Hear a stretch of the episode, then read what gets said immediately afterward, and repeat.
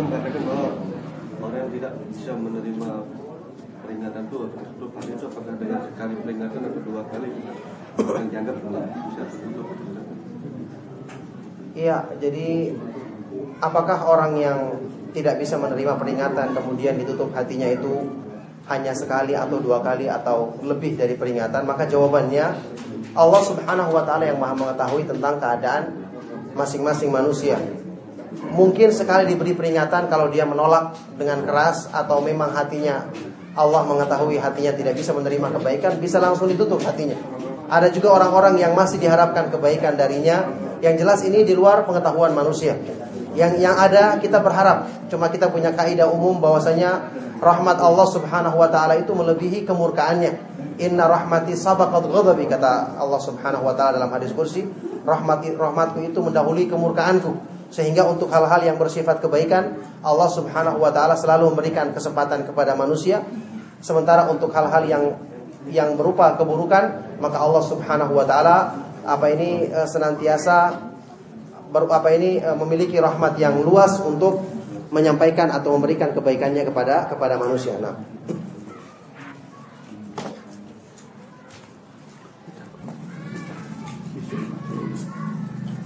Itu Ustaz, apa makna dari hadis tadi itu rinciannya Ustaz? Apa ini? Kalau dia sehat hatinya, baik pula perilakunya. Oh. Kalau sakit hatinya, buruk pula perilakunya. Ya, iya. Artinya perinciannya bahwa yang menentukan kebaikan dalam diri manusia itu adalah hatinya. Hatinya. Iya. Oleh karena itu penyakit-penyakit hati itu yang paling utama untuk segera dibersihkan. Penyakit hati berupa syirik, ya kemudian kecintaan kepada selain Allah, berharap kepada selainnya, takut kepada selainnya, Ya. termasuk juga yang tadi dengki, kemudian ya kesombongan dan seterusnya.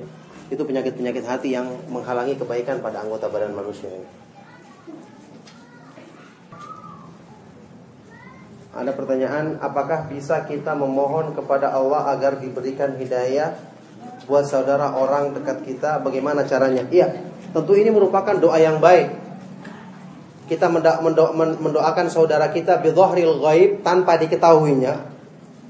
Maka ini merupakan sebab yang dengan itu Allah Subhanahu wa taala akan memberikan kebaikan itu pula pada diri kita. Jadi berdoa kepada Allah Subhanahu wa taala untuk memberikan hidayah kepada saudara kita, orang-orang terdekat dengan kita dan ini merupakan persembahan kebaikan yang paling utama karena berhubungan dengan kebaikan dalam agamanya, maka tentu ini manfaatnya sangat besar sekali.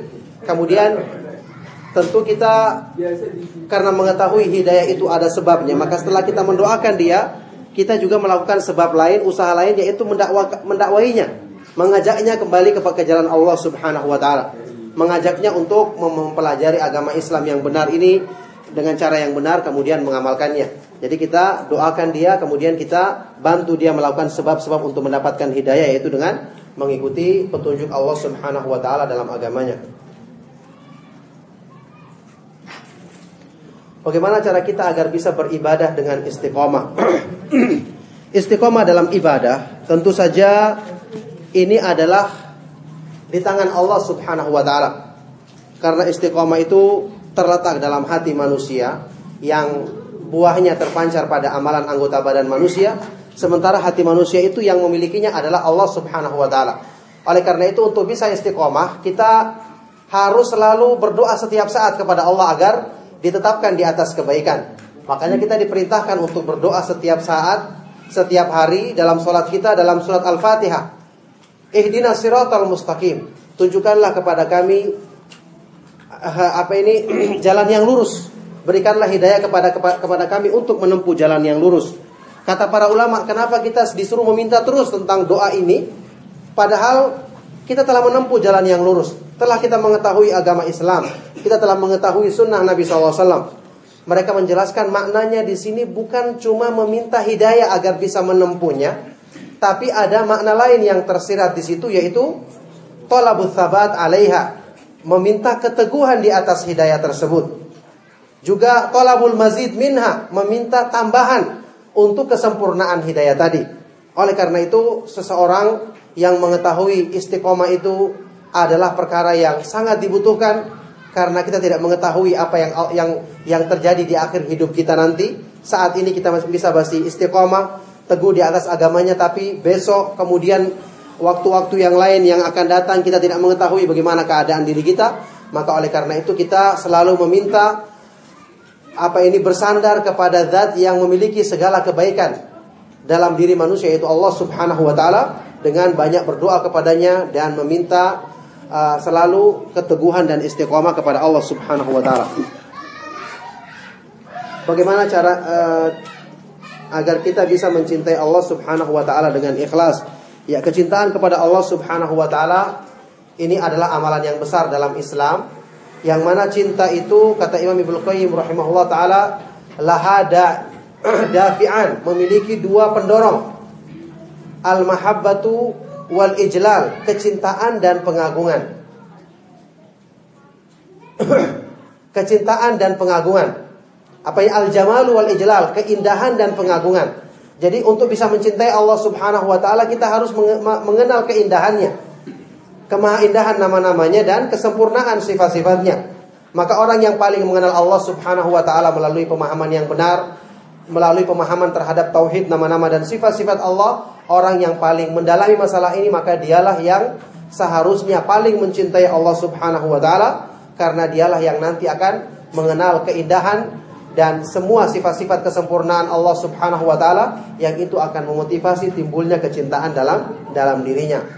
Makanya Rasulullah SAW bersabda dalam sebuah hadis sahih riwayat Imam Bukhari, "Inilah a'rafukum billahi wa asyaddukum lahu khasya." Sesungguhnya aku adalah orang yang paling mengenal Allah di antara kalian semua dan aku adalah orang yang paling takut, tunduk dan paling cinta kepadanya. Nah. Ada pertanyaan lain? Ya, foto. Apakah dosa dan maksiat juga penghalang dari hidayah tauhid Iya. Mengingat banyak juga Ustaz yang mungkin turunnya maksiat itu dikasih hidayah pada Allah Iya, betul. Nah, dosa dan maksiat dan semua perbuatan yang menyimpang dari syariat Allah Subhanahu wa taala jelas merupakan penghalang penghalang dari hidayah. penghalang dari hidayah meskipun tidak menutup kemungkinan ada orang-orang yang tadinya berbuat dosa tapi satu saat dia melakukan sebab sebab yang besar yang itu akan menjadi sebab Allah Subhanahu wa taala memberikan hidayah kepadanya. Dia berbuat dosa tapi satu saat dia tersadar akan keburukan perbuatan dosanya, pada saat inilah ketika dia merasa dirinya kecil di hadapan Allah, kemudian dia merasakan butuh terhadap pengampunan dan rahmat Allah Subhanahu wa taala dengan sebab inilah Allah berikan hidayah kepada kepada dirinya. Adapun orang-orang yang menganggap remeh perbuatan maksiat, mengecilkan arti perbuatan dosa-dosanya, maka orang-orang seperti ini yang terhalangi dari mendapatkan hidayah dan taufik dari Allah Subhanahu wa taala.